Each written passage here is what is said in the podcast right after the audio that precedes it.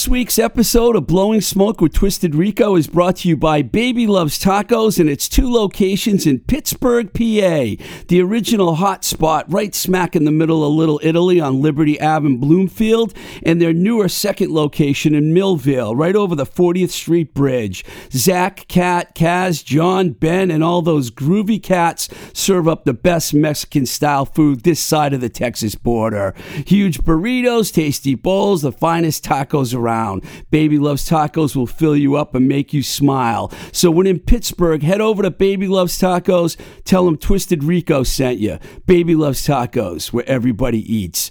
Before we bring on this week's very special guest, Jack O'Neill, let's listen to a track from the Live 25 CD from Jack Pierce, one of the biggest hits the band ever had. This one's called Late Shift.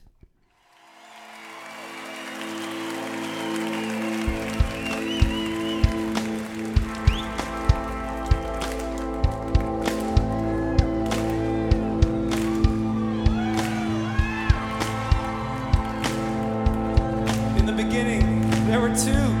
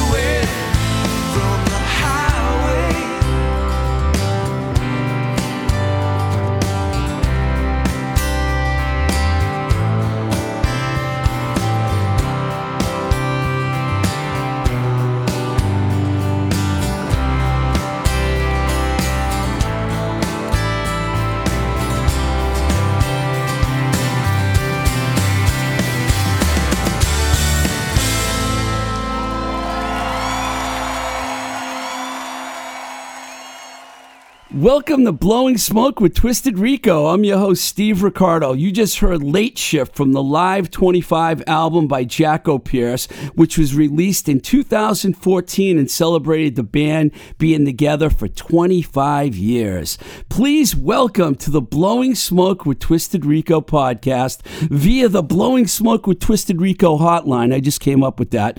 Calling from New York City, one half of Jacko Pierce and my old buddy, Mr. Jack O'Neill. How are you, Jack? Steve. oh man, It's an honor to have I'm you on the man. show. It's an honor, man. well, it's just so it's so great to uh, talk to you again after quite a while, man. Thanks for having me on. Yeah, it's, it's my pleasure. We we had such great times, and I can't wait to get into it. Uh, before we start, before we start telling some good stories, I just want to share a couple paragraphs, uh, which I found at jackopierce.com about the band for our listeners that may or may not be familiar with all that is Jacko Pierce. So let me just read this. All to you. Jack O'Neill and Cary Pierce, the Jacko and Pierce, who make up the seminal duo Jacko Pierce, are celebrating 30 years of making music that has amassed a local, a loyal following of millions of fans across the country and the world with a super high energy live show and what the Dallas Morning News has called spotless harmonies. Jacko Pierce formed in 1988 in Dallas, Texas, as students at SMU. The duo steadily made a name for themselves, especially with two of their signature tracks. Vineyard and their version of the classic Please Come to Boston. They released 10 studio albums, 10, that's right, two for the major label A&M where I met the band, toured 3 continents, 9 countries and 45 states, amassing millions of loyal fans along the way. Over the years they've shared the stage with John Mayer, Dave Matthews Band, Matchbox 20, Counting Crows, The Wallflowers, Sheryl Crow, Toad the Wet Sprocket, to name a few. After a five year breakup, the guys reunited in 2002 to test out the waters. They were warm, and city by city, Jack and Cary got back out there to play for grateful fans that thought they would never see them again. The two now have totally renewed creative vigor, mutual respect, and deep gratitude for their fans. That's from jackopierce.com. I actually saw the band, and it was the last time I saw Jack in 2004 at a sold out show right down the road at the Paradise Theater in Boston. So it's been a while. Oh man, hey, that's a that's a pretty decent bio. Cary probably wrote it because it seems like he would use words like creative vigor, mutual respect. How about very warm? That's a that's a Cary Pierce. Very warm. that's that's my boy Cary. Well, it could be, or it could be uh, David up at our management, our management in uh, in Nashville. He's a, he's a wordsmith and become quite a quite an adept editor of all things audio and visual. We got we have a management team in Nashville, and wow, we've been together. Sheesh, the years start flying, Steve. Um, Ten plus years, fourteen years, fifteen years. I don't know. But uh, yeah, we got a tight crew. So we we are definitely, you know, I'm based in New York City. Cary's down in Dallas. Uh, David, our management team is in Nashville, and you know, we just kind of we put it all together and been doing it that way for years. That's that's fantastic. I know the band mostly for years was a Dallas-based group. You know, um, before we get into some some fun stuff and about the band, I just wanted to ask you if you could just share with my listeners um, how have you survived like the last year? Because it's been easily the most bizarre year of our our life. I mean, what, what, what have you been doing, man? You're in New York Oh City. man. Well, that's I mean that's a great question. I think um, you know we I remember we played our we played our last show March eighth down in Dallas, and even then I was like, man, stuff's getting crazy. And then it was that week where they just shut down. You know, New York City, somewhere like in the middle of the week of whatever March 9th. And um, I was actually doing an off Broadway play and uh, they just shut the doors. They basically said, "Hey, nobody come back to the theater tomorrow, and um, we'll arrange for everybody to come in individually and get your stuff out of the theater, yada yada." And so every gig, we had a really stacked calendar beginning like in April into the summer, and you know, slowly everything just kind of canceled. So from a financial standpoint, it was definitely a uh, oh boy, what do we, you know, what do we do now? So what I started doing, and Cary started doing, is I don't know if you're familiar with Stageit.com, the Yes. platform. Yes. Yeah. So, man, I started doing a weekly, you know, every Thursday night at 8 p.m. Eastern time. I just started broadcasting a, a live acoustic show from from my apartment, and I did that from April into September. And you know, the the beauty of it is it's it's a pay what you can kind of thing. So folks can literally watch a show for like 10 cents, and if they want to tip you during the show, they tip you. And you know, our fans were fantastic, man. People would tune in and, and they tip money. So it wasn't like, you know, we were totally, totally financially like at zero. Um, it really helped. And it was a great way to stay engaged, you know, like I had to, I actually had to prepare every week. Like I had to learn songs that I haven't played in 20 years, you know, because I was like, I don't have a whole lot of material here. Well, I'm sorry I never. I'm sorry I never caught one of those shows. That must have been cool, man. Because I've always liked your style, man. So I would have. I would have Well, totally thanks, enjoyed man. it. I did watch a video that you put up on your Instagram page recently. That was fantastic. So I mean, I I, I know what you're all about. Um, can we can we like go all the way? All I'm talking like all the way back. Like when did you and Cary realize? That you had this magical chemistry? And how in the world have you been able to exist as a band this long? I mean i mean i mean i know you took like a 5 year hiatus but you guys have been doing this for a long time. How did you when did it i know you were in college when it happened. Tell us about that. Yeah, sure. Well, you know, Cary and I met literally like the, the first day of college at SMU, and, and we were both um, we were both there in the theater program, acting school, and the class was actually really small. I think there were maybe like fifteen freshmen that were brought into the theater department, and and we basically we met the first day, and just we just hit it off. You know, we both I think we both felt like kind of oddballs in the theater department, which is saying a lot. And then um, we started, you know, we, we literally like got together in his dorm room and, you know, jammed like in our, you know, day three of, of our college experience. And, you know, we were just a couple of, you know, a couple of dreamers. And, you know, we started talking about what if we, you know, started an acoustic duo and started playing in some bars and we could make money and drink for free and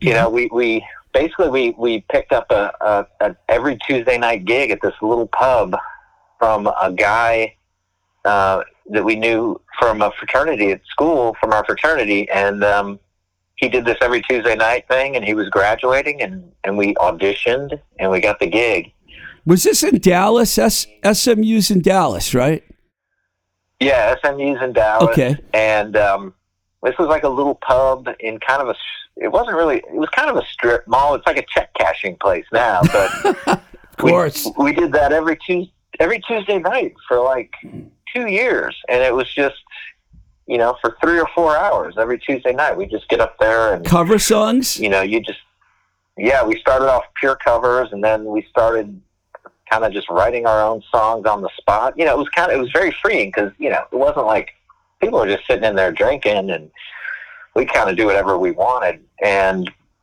we did that every Tuesday night. Then we got another gig where we did every Wednesday night. And then we were like, let's record a, you know, a cassette. And so we made our first first recording was a cassette, which is just insane to me. And from there, we made a record. But you know, even back then, you know, like it was early '90s, you know, and and you know, there was still a feeling, and, and you could pr- probably appreciate this, like, hey, you can't make a CD if you don't have like a record deal. What are you guys doing? And uh, we didn't have a record deal, but we made our own CD, and we worked with this uh, this great guy. I mean, he seemed so much older than us, but he was probably like 28. Uh, named Keith and uh, Keith Hayes, and he got us together and and produced it, and was like, "You guys kind of got like this thing going on where you were kind of doing your thing and he's doing his thing, and it really works. So keep doing more of that." And that's when we were like, "Hey, we kind of have our own our own sound, I guess." You So- do. You certainly did. So, so how long did it take from like when you met in '88 to when you finally released something? Because I know you weren't, didn't get to A and M till '94. So this is like way before that. Yeah. So I think I, want to say that we probably had that first cassette out in, man, this is a challenge, 89, 90. And then by 91, we, we'd done our first CD. Uh, and then we quickly did a second CD. Then we had a live CD. And by that point, you know, we we'd started like our music started getting around. Like a cassette tape ended up at you know college kids. You know, like somebody at University of Michigan. Hey man, would you guys come to Michigan and play a gig? And we're like, yeah. I, I, I'm pretty sure. I'm pretty sure if any band played every fuck, I'm gonna say fuck every fucking college in America, it was Jacko Pierce. I'll bet my life on that because I was at so many college gigs with you guys. But before we get to that, okay, I'm gonna talk about. I'm gonna talk about how I met you guys uh, and how because this is a really good story, man. This is really good. So, um, it was 1994, and I'm working at A&M Records out in Hollywood, and um, I was asked at the time to go down to Austin, Texas, to see you guys play. After the band was described to me as something like Simon and Garfunkel meets the Indigo Girls. And here I am, right? Here I am, like the alternative music guy, okay? I just got off the road with like either Paw or Monster Magnet or Damn the Machine. And I'd been working with all metal and punk bands. And this was a pop band. I'm like, why the fuck are these people sending me to see this band? So then, so I'm like, but it's Austin. So, you know, why complain? It's a free ride, free trip to Austin. So then I get there along with all of Polygram. Polygram was our distributor, your, your distributor, as you know. So I get there along with all the Polygram alternative development reps, and we all flew in for the show along with a couple of A&M people like Al Marks. You remember Al Marks, right? Oh yeah, absolutely. and Jill Glass. It was basically, and I think maybe it was Kelly. Kelly was your um, product manager. Was it Kelly? Sounds right. Yeah, I am sorry, I can't remember everything either. But anyways, the show is at the University of Texas. So I get down there, and of course, after we go out, we're already partying because that's what you do. Where we go out to dinner, we're drinking and everything, and then they're like, "We're gonna go meet the band." So Al and I, I believe it was, we go back before the show. We say hi. You guys are cool and everything, and then we head out into the auditorium where the show is being held. There's about 600 people there, and 580 of them were college girls. So I'm okay. All right, man. Steve Ricardo's on board with this, right? and then, because I'm like, these guys draw all these girls at every show, and I was like blown away. So then, I then you guys come out, and you guys blew me away, and you blew all these college girls away, and I'm like, okay, whatever they need me to do with this band, count me in. Next thing you know, the label says, Ricardo, we're going to put you out in the road with Jacko Pierce. and I'm like hanging out with you guys everywhere. and it was like, my transformation happened. I went through a real transformation. Um, let me ask you this. What was it like for you coming from being a self promoting, touring machine to a bigger, more focused machine like A&M Records? Oh, that's a great question. First, I would say though that I still remember when I met you. I was like, dude, you know, basically we had the conversation of like, yeah, I mean, you guys aren't. I, I didn't think you guys were my bag, but uh, okay. I get it a little bit. I can't believe I, always- actually I said that, but I probably did. we weren't, you know, beating around the bush, but it, you know that was awesome because you were, you were like a, a you're an artist. You're like a music guy, so that was that was super cool to to to realize that you weren't just punching the clock. You know, like we actually had fun. But anyway, um, well, I mean, you know, the the thing about A and M was we, you know, had the opportunity to to meet like a handful of big time producers, you know, and then we got the chance to work with T Bone Burnett, Yeah. which just Yeah. You know, like that wasn't obviously going to happen just working our independent machine. And, um, you know, to be able to have that kind of support at radio, you know, like the first time we played in San Francisco, it was the first time we set foot in San Francisco and A&M, you know, you guys had gotten our song on to, I think it was KFOG radio, and we showed up at American, Great American Music Hall, and it was sold out. I mean, it was a huge theater that was, you know, that was the power of having A&M Records behind us at radio and promotion and taking what, you know, we probably had a little foothold on the West Coast, but not so much. But that really pushed it, pushed it over the, over the edge. And that's when it was like, holy shit, man. Like, we're showing up in San Francisco and this is a packed house, you know, and we're playing, you know, live on, on air radio, um, you know, performances like everywhere we go. And, you know, that was just, that was next level. That was really next level. I wasn't at that show in San Francisco. I don't know why, but I wasn't. But I did meet T Bone Burnett because of you guys, and it was a, it was a little later than that. I saw you guys in Pittsburgh actually playing with T Bone? Burnett. Right. Yeah. And we're going to talk about that show because something else happened that night that changed my life forever, which I'm going to tell you about. Oh, man. There, there are, there are, What in Pittsburgh? Oh my God. uh, let me just ask you a question because I don't know even know the answer. Who signed you guys to A and M? I I don't even know. Was it Larry Hamby? Yeah, Larry. Handy. Larry. I thought I had a feeling it was Larry Larry. Yeah, but He just the sweetest dude. yeah, it makes sense to me that he signed you guys, and you know, um, once you guys got signed, you basically got handed over to to me and Al and and, and you know Kelly and a few other people, and we basically had to like. It was our job, you know, to like make sure we kept you guys busy, and the radio and the publicity department did a really good job, which I mean, I don't know what the numbers were, but they, they were probably pretty good. On Bringing on the Weather was the album that the first album that came out on A and M.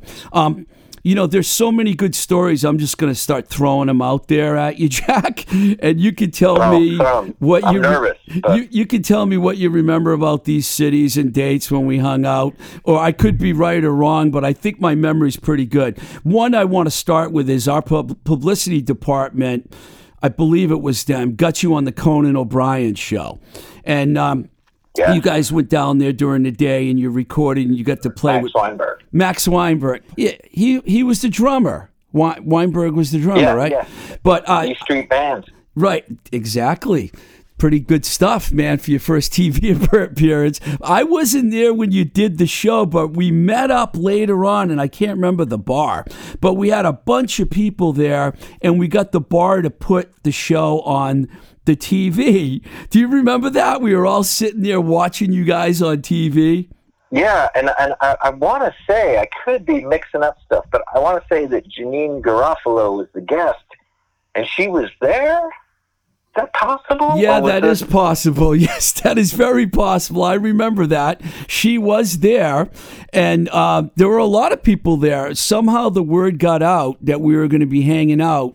I can't remember the bar. It was downtown somewhere in the village. You didn't have a show. We just went there to watch you guys on TV because we were all in New York for that because that was pretty Yeah. huge. And uh, I watched Yeah. I watched the video actually. In my mind, I saw Paul Shaffer, and he wasn't even there. So I don't, I don't know. I, an LS, an acid flashback or something. I don't know. But uh, It happens. It happens.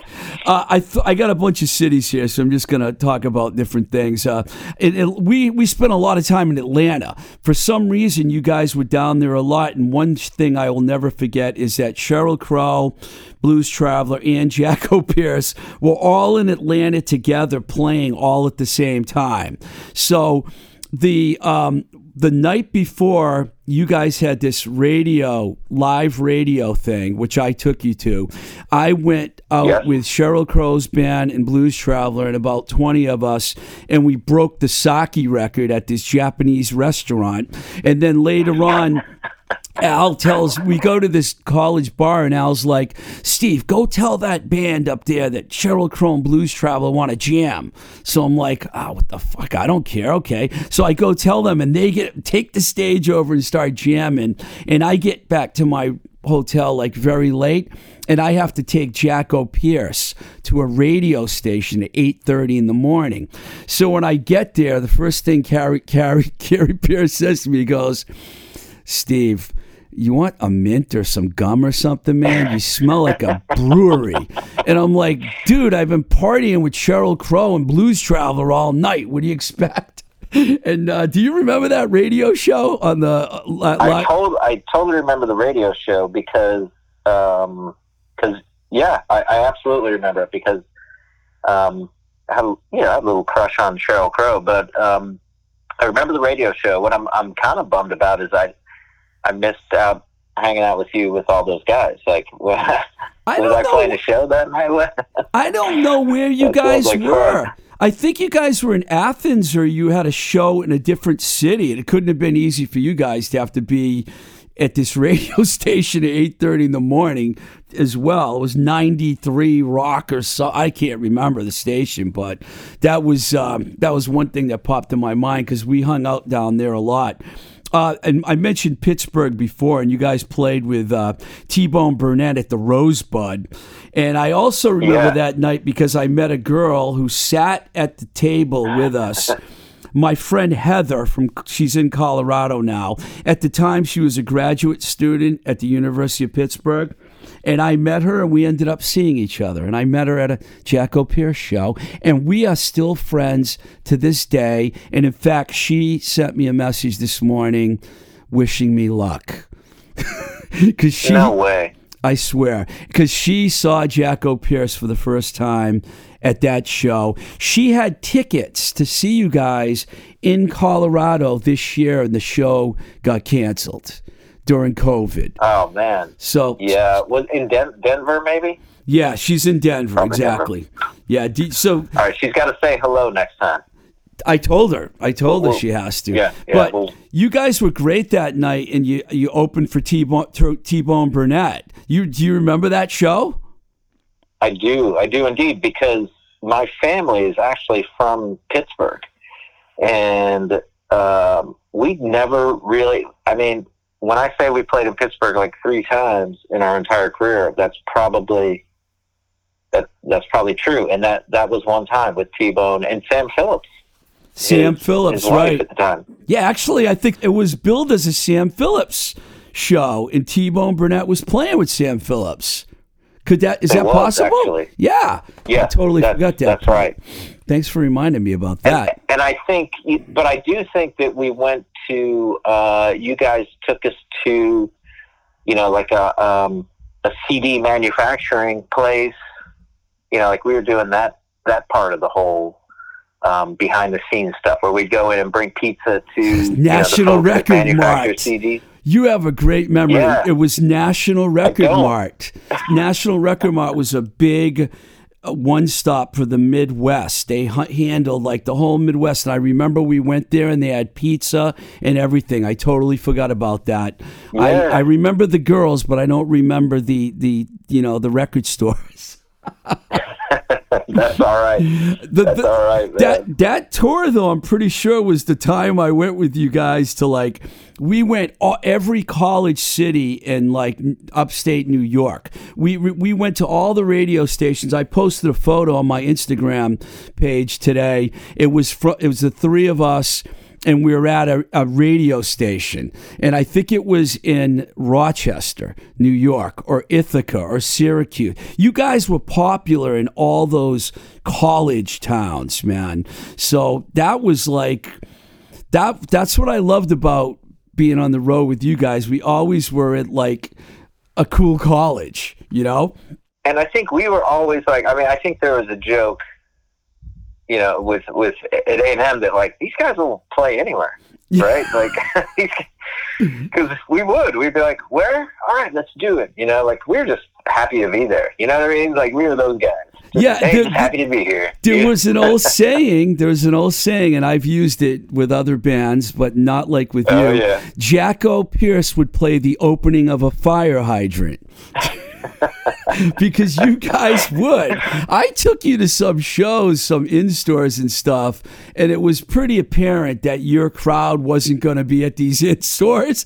But you guys did the shows anyways, you know, and you put up with all the the the, the record company bullshit because that's what they made me do. But you know, I I was in Dallas many times with you guys, Houston, Chicago, Richmond. Richmond was a good one because once again it was a real odd situation where you guys played live on a TV show in Richmond. You guys did a lot of weird Yeah. things like that. And of course, your A&M guy happened to notice that there was a strip bar across the street from the TV station. So Oh man, who would do that? so when you guys were done, I told this story on my show already. When you guys were done, I was like, let's just go get a beer, man, at the strip bar across the street. You got a gig tonight. It's only one o'clock in the afternoon. So we went to the strip bar across the street, and that's when I met Christine at that strip bar with you guys. Yes, I, I ended up seeing a stripper from Richmond. Her real name was not Christine, of course. And, um, it was all because of Jackopierce. We were the only ones in there. I don't know if you remember that. We went in there, and all these strippers, three young dudes, come walking in. Two of them were good, were good looking, and uh, we come Yeah, walking yeah, in, okay, and the right. girls were like, "Wow, three young guys are here." it was like it wasn't a real classy strip bar, but Christine was cool, and I met her there. And then you guys played some huge show that night in Richmond, and then I know this because I remember this. The next day we went to Charlottesville, and you guys are huge there at the University of Virginia. And uh, I don't know if you remember that. Well, you you must have played that place more than once because the place was packed. Yeah, tracks. Yeah, that's where we first saw Dave Matthews. We had some friends, uh, John Alagia and Doug Derryberry had an acoustic duo that we became friends with, and they were based in Virginia, but they were like, uh, they're producers and engineers. Alagia went and produced John Mayer's first record. Derryberry uh, ended up playing guitar for Bruce Hornsby for quite a while, and um, but they were like, "Hey, man, we've been we've been recording live this dude Dave Matthews at Trax in Charlottesville. You should check it out next time you're in town." And um, we went and saw Dave Matthews at Trax early on, and we had all his cassettes, live board mixes from from his live shows at Trax. And then I dragged you to a, a Dave. I don't know if I dragged you, but you remember that? Uh, actually, it was the other way around, Jack, and I do remember it. I got tickets to the Horde Festival in New York at Jones Beach, and I took you as my guest. but this right, is the right. this is the funny part about it. You're like, I'll go, but can we get there early? And it was like one of those shows that started at noon and went till midnight because there were like about 20 bands. And you're like, can we go early? Because my friend Dave Matthews is opening the show. So we get there and it's like an 18,000 seat venue and there's a hundred people there and Dave Matthews plays. And then you're like, I we had of course we had I had passes because you know I was with Blues Traveler, so I had these passes. So we went back there and we ended up hanging out with Matthews the whole day. I tell people that story all the time. They're like, "You hung out with Dave Matthews?" I'm like, "I smoked weed with Dave Matthews all day." All day. Yeah, they were they were done like at one o'clock or something. Remember that? I was like, these guys are going to be huge, man. You were right. you were absolutely correct. But you know, it wasn't. It didn't really mean anything that day. It meant well, he was a cool guy. I really liked him. I mean, we hit it off. But it, but y- about a year Yeah. later, he was headlining that place. Yeah, totally, totally. So wait, well, you you must have been. Is that when you were based in Kew Gardens, right? Yeah, A and M moved me to New York, which I it was good and it was bad, but it was okay. And uh, and I ended up living in Astoria, Queens, and uh, I Yep. worked out of the Polygram office in Kew Gardens. And I went, you know, Yes. plus we had the city and we had the office in New York City, so I'd go there a couple times a week too. But I mostly dealt with the distribution people because we were like, you know, Polygram bought us by at that time, so they owned us. So even though we weren't the same little A and M anymore, we were now owned by Polygram. Not that A and M was ever little, but you know, it was a big difference because in the old days, Herb and Jerry, Mo- you know, Herb Alpert and Jerry Moss, A and M, they were always considered independent minded people, but now all of a sudden they were gone, and um, we were owned by Polygram, and that's how I ended up there. Yeah, But um, Yeah. that Matthews, that was fun. So you you you ended up playing shows with Dave. Was it before or after that? you know, we didn't we didn't play a lot. Like we, I think we played with Dave and Freddy Jones band in Colorado, and I really feel like that might have been like our paths didn't really cross as much. And I mean, and he just got he got huge real fast. Like when they came to play in Dallas for the first time, we were not on the road, and you know they sold out Trees, which is uh, a club in I've been there. which is still Been there. Yeah.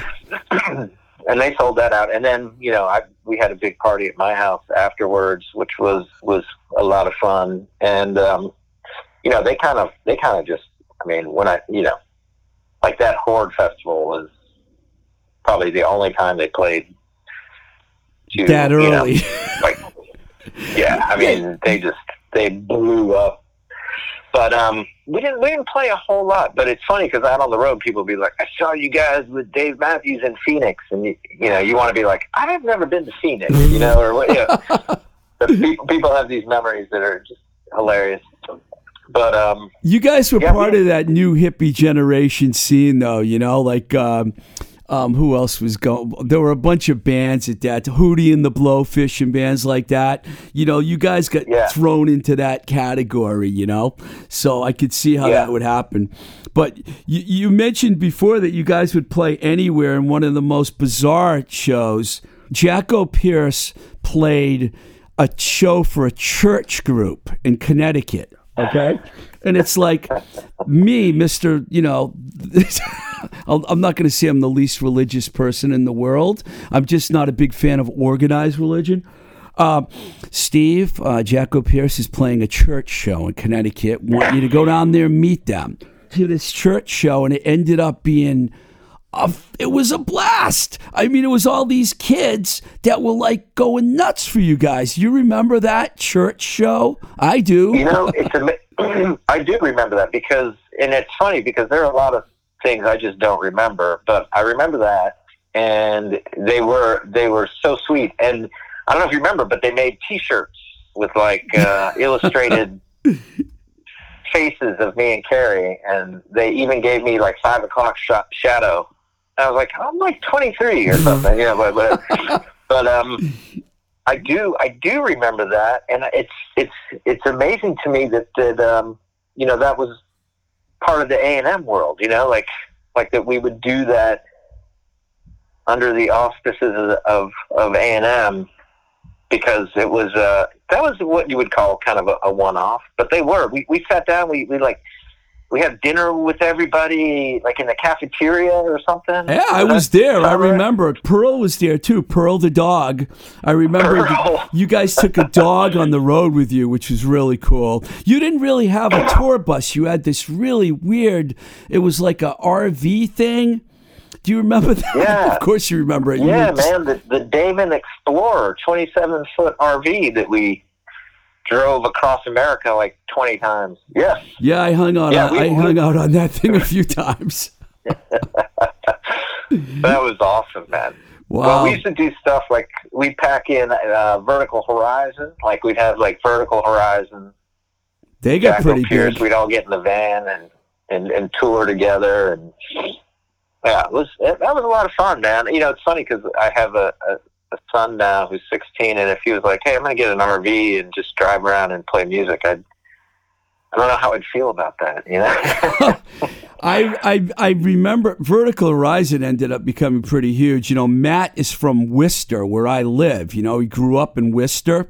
In fact, I was gonna I'm gonna get in touch with him and try to get him on the show. But I met those guys. They were opening for you guys when I met them. They were like your opening band on a on a few more than a few shows. they uh well they yeah and and they're still you know they're still good friends like i um i mean i, I just talked to matt a few weeks ago i mean he, it's funny because uh matchbox 20 they were on the road with us opening for us for a while and and then their song 3 a.m just exploded and they were like all right well we got to go. guess we won't be opening for anybody anymore Well, now I know who to call when I want to get Matt from Vertical Horizon on the show. done I think Done. he'd do I mean, it. hey He must remember me, man. We had some fun together.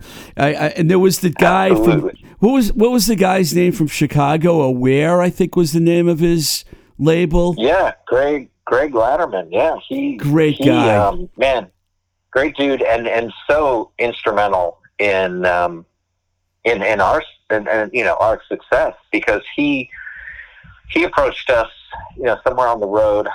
I want to say like maybe we were in Martha's Vineyard, and he was like, "Hey, I'm putting together this compilation of bands, and I want you guys to be on it." And we kind of were like, "Yeah, okay, cool, man, whatever." And and then he did it, and we were on that first Aware compilation, and um, I mean that really helped get our name out there. And the Aware compilation became it became huge, and and Latterman, you know, went on to work with.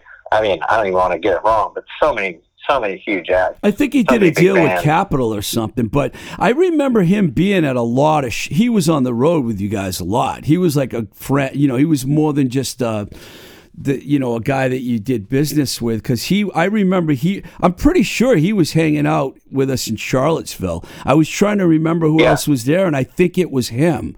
And then he was Chicago based, right? Yeah, yeah, Yeah. he's he's in Chicago. He's still in Chicago, but yeah, he was a, a huge. Uh, he became a you know really good friend to the band. He was so good to Jackopierce, and um, you know that's a that's a lifelong that's a lifelong friendship that was formed there. And that's that's the other thing, you know, like you talk about like how we stayed together for so long. Um, it's pretty fascinating. But I have so many good friends in my life that you know I met through the band. You know, like Yeah. I, you know, and it's just like that's that's pretty much worth it right there. You know, some of my dearest friends in the world I met from Jackopierce, and and not just people in the business and other musicians, but I mean, you know, just like people who are fans who became friends. You know, they're like, "See me show a few times." Like, "Hey, what's up?" Yeah, next thing you know, twenty years later, you're I've been around bands my whole life, and you guys are like the nicest people. In fact, you cha- for a while I was kind of like you know the total rock dude, and before you knew it, I was buying Ray Bans and I was wearing those button-down Gap shirts and khaki shorts. And I went home, and people Oh, were like, "What the hell happened to you?" And I'm like. Jackopierce happened to me, man. That's what happened to me. You guys like transformed me. It, it was great oh too god. and yet it didn't hurt that you know there were there was always so many women at Jackopierce shows. I mean, it was Well- it was inspiring. Yeah, to and say I, I the think least. a lot of a lot of guys would show up and be like, "Well, you know, I don't really, you know, the music's all right." Uh, Let's go. Let's go. great. I got to back up for a second here because I can't imagine you and Cary not being together, and you guys like had a five year hiatus. What was that like for you? Uh, you know, looking back, kind of a blur. Um, you know, it was like it was. You know, we did, we were with A and M. We did two records with A and M, and you know, the second record was was challenging. You know, like I think they're just. I think you know, you're in your twenties and a lot of growing pains and not sure where which way everything's going.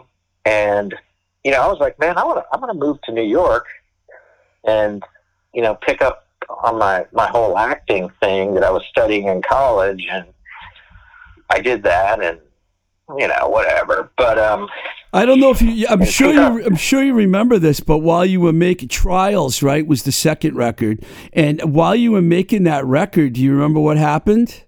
Uh, huh. You don't remember Uh, being in the middle of an earthquake? no, that was man, that was right at the end. We had just finished bringing on the weather when that happened, and we were living in Northridge. That was intense. oh man, you know what? You're right because that was 1993. You know what? I didn't even know you guys yet. Holy cow! I don't know why. I associate. I remember I was living in Encino when that earthquake happened, and I knew I heard that you guys were in Sherman Oaks, like the next town over. Oh yeah, yeah, we were in Sherman Oaks. My bad, not Northridge. You were- Northridge got hit really hard. Oh, that was bringing on the weather. I'm sorry, I got confused because the years, but you're right because now I remember that was '93 that earthquake hit. How could you? How could Yeah. we forget it? Well, you know, you know what's crazy is we've been living in Sherman Oaks. We've been recording not far from there with T Bone, and we were actually flying back. We were done. We were flying back that morning. So that happened at like 4 a.m. We were you know, 4:30, we were yep. supposed to be on. We were supposed to be on flights that morning at like 11 a.m. to fly back home to Dallas. Like we were done with the record, and um, you know that happened, and it was that was a really intense experience to to you know I was like man earthquakes I got I got big respect for earthquakes now I mean that was terrifying That wasn't a Um, normal earthquake, man. That was like the biggest earthquake in Southern California. It was like a 7.1 on the Richter scale. We had these um, aftershocks for like a week, and they were like 5.2. I remember my pool. I lived on a. I had a guest house on an estate, and there was a pool outside my window, and the water kept coming over the pool. Man, it was just intense, man. So. it wa- I mean I could I could do a whole a whole 20 minutes on just that night as that happened because it was it was it was it was a lot. Um but what's crazy is we drove you know when everything settled you know like I mean it was crazy. And we still drove to LAX and you know went to like an IHOP and it was like nothing had happened there. You know it was just so bizarre. It was like on the other side of the hills out by the airport. It was like life was normal, but on the other side, like there The were valley. fires breaking out Yeah. everywhere. And the building was destroyed. Our building was destroyed. Um, like the, the the apartment next to us had collapsed, and there were people trapped under there, and it was just it was pretty chaotic. Yeah, and that- then you go to the IHOP, and they're like, "You want a whole liter white toast with that?" You know. Yeah, the fault line like went right down Ventura Boulevard, man. It was really bizarre. I remember that one. Um, how can we not forget Yeah. it? Um, I wanted to bring this up too. Um, I know this is a lot, Jack, and I really appreciate you putting up with all this. no Uh, way, but you, you you guys became really popular in New England because of the song Vineyard and your association with Martha's Vineyard. Um, I got to tell you, man, I, I if you guys ever play there again, I have to go to a show there because that that would make my Jacko Pierce experience complete. But before you before you say before you say sure, Steve, we'll hook you up. Uh, why don't you tell us how in the world did you become? What made you write that song, and how did you become so popular at Mar- in Martha's Yeah, that's- Vineyard? Yeah, that's a that's a great question. Well, Cary's family has, um, you know, history up there. Cary's dad is a you know a sailor, and um, Cary's uncle actually is a full time resident on Martha's Vineyard. So it's it's part of Cary's family DNA is that whole New England uh, coast and and um, ocean vibe. But you know, a, a good solid heartbreak is always the impetus for some great stuff. So Cary, you know, was in a relationship with with a woman down in Texas, and she, you know, she broke his heart. I don't want to speak for him, but I mean, she broke his heart, and um, he, you know, I think his folks were living in the Northeast, and he went home, and they were like, "Why don't you just head over to the vineyard for you know a few days and just kind of get your shit together?" And he went over there, and and he met met somebody, and it, it inspired the song. So it's like a true, it's a true Wow. story, and it's a it's a great story, and and I think that's one of the reasons the song is so fantastic is that yeah, it's real. I mean, and you, you can kind of tell it's it's you know legit. Did uh, you? I mean, how, story. how many times would you say you guys have played there? Do you have any idea? Oh, you know, not as much as you would think because it's such a difficult place to get to. But I want to say, you know, in the vineyard there was a oh man, I can't remember. I can't quite remember the name of the club, but they had like a, a band house. So if you came out to play shows there, you stayed in this band Oh, house. I want to stay in that band And- house. And I remember one time, you know, you know, the band, and I think we were, might have been there with Vertical Horizon, and we just had a bunch of dudes, and we all rented mopeds. So we had like 20 mopeds parked out in front of this band house, and we were just tearing around the island, and uh, you know, driving driving these mopeds down to the beach, and just, I mean, yeah, it's just so much fun. But um, we've been doing over the past, I don't know, 10 years every every two or three years we'll try to do a special event destination show on martha's vineyard and, and we put together like a you know a package where we'll do like a, a lobster bake and a show at sunset Nice. and you know just give everybody an excuse to get out there. Um, you know we've played the whaling church there which is just beautiful. So we played the whaling church a few times. Uh, we had this great sailing camp that we played at on this bluff overlooking a harbor, and you know, it's just when we do it, we we, we really kind of we we kind of go all in on on the experience. Um, hopefully, you know, this year a lot of our plans obviously got blown up, but you know, it's possible next year. You know, but you know, it's just so hard to plan right now. Well, I'm So gonna be waiting. I will definitely. I'll let you know. There's a reason why the, you you know, know, there's a reason why you know Bill Murray, Dan Aykroyd, Amy Schumer, Evan Dando, Obama's got a place out there. There's a reason why all those people go out there. That is one cool island. When I went there a couple years ago, I it was just beautiful. It's not Southern California, but it's just has a really Nah, good man, it's- vibe. it's gorgeous. You know, I saw um, John Mellencamp out there, and I was like, wow, that's he's one of the last dudes I was expect to see on Martha's Vineyard. But um, saw Mellencamp and um, I guess his wife. I can't remember who it was, but just walking down the street. it's like, Cool. hey, that's crazy. It's a really good Um, vacation spot for sure, man. For the- for well, the wealthier, the better. You know, for that place, it's not cheap. You know. No, no, but I mean, you know, it. There's a couple of spots that are really well known, like where you come in on the ferry. But the last time we were there, we spent a lot of time out west west end of the island, and it's just, oh man, it's just Aquinnah, Quiet A- was it a Aquinnah Gayhead out there? yeah, yeah. There's There's a big cliff, I mean, right? In a in an old. there's a Uh, lot to explore. yeah. Yeah, yeah. I loved it, man. Well, I hope you guys get there. Okay, I got one more thing for you, and then I'm going to let you, you know, go back to acting class or whatever, whatever you got going on in the big city. Um, you mentioned to me on the phone uh, yesterday when we spoke that you guys recorded together for the first time in a while in Oh, yeah. Dallas. So, what was that like, and when can we expect to hear this new record? Uh, yeah, great question. Yeah, so we're super excited because we, you know, we had plans back in April to get in the studio to work on a new record, and that didn't happen.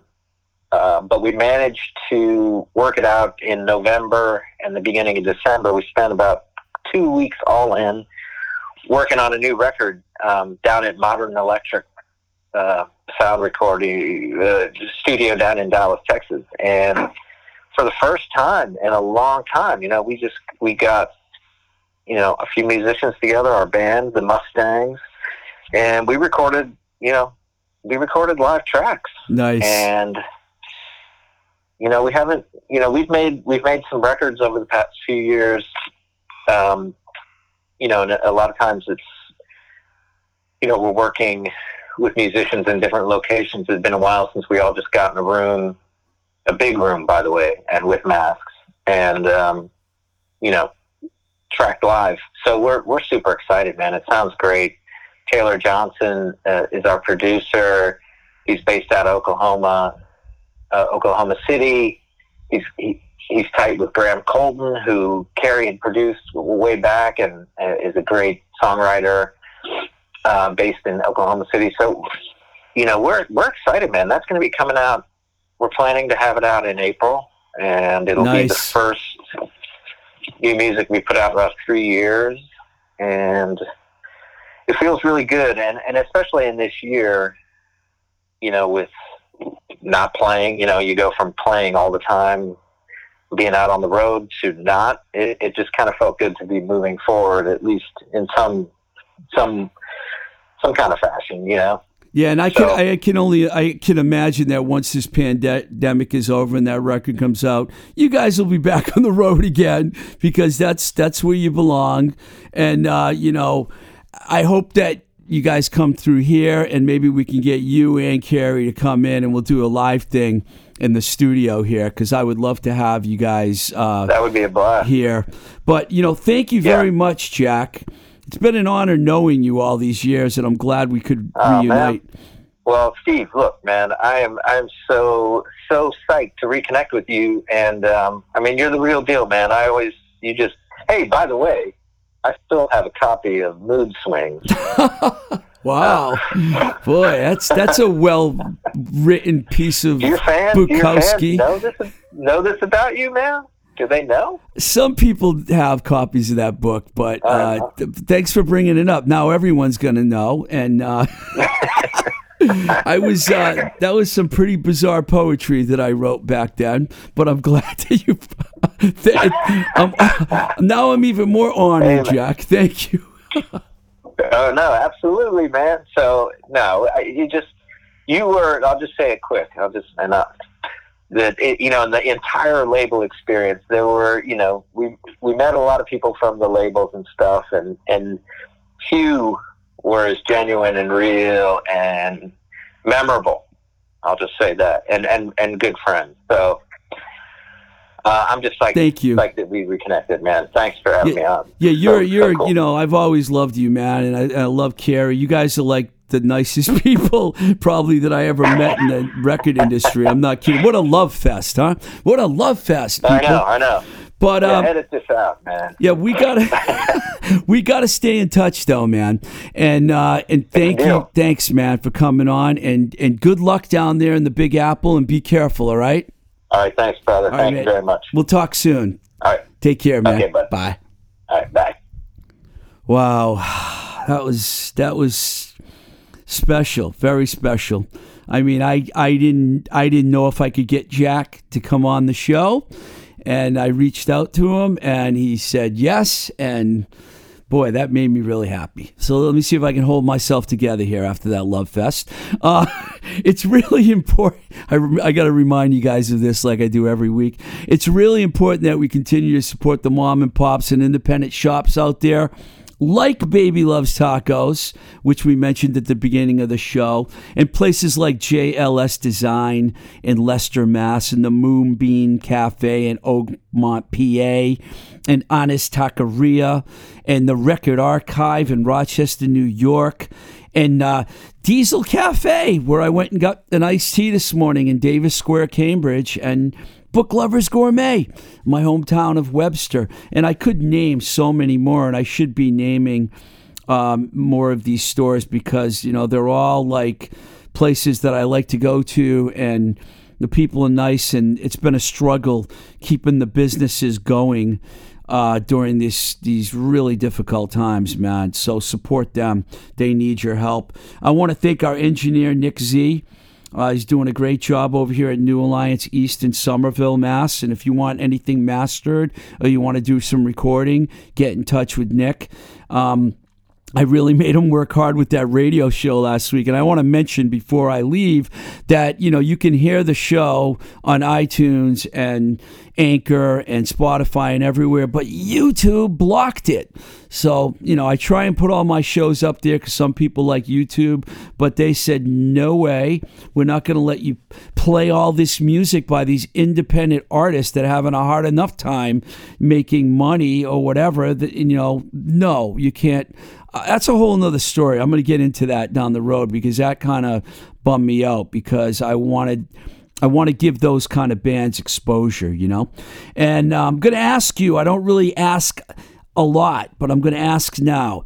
Please consider supporting this podcast at patreon.com forward slash twisted rico it it does cost money believe it or not to keep this podcast going and any kind of contributions that you do there on a monthly basis will be very well appreciated.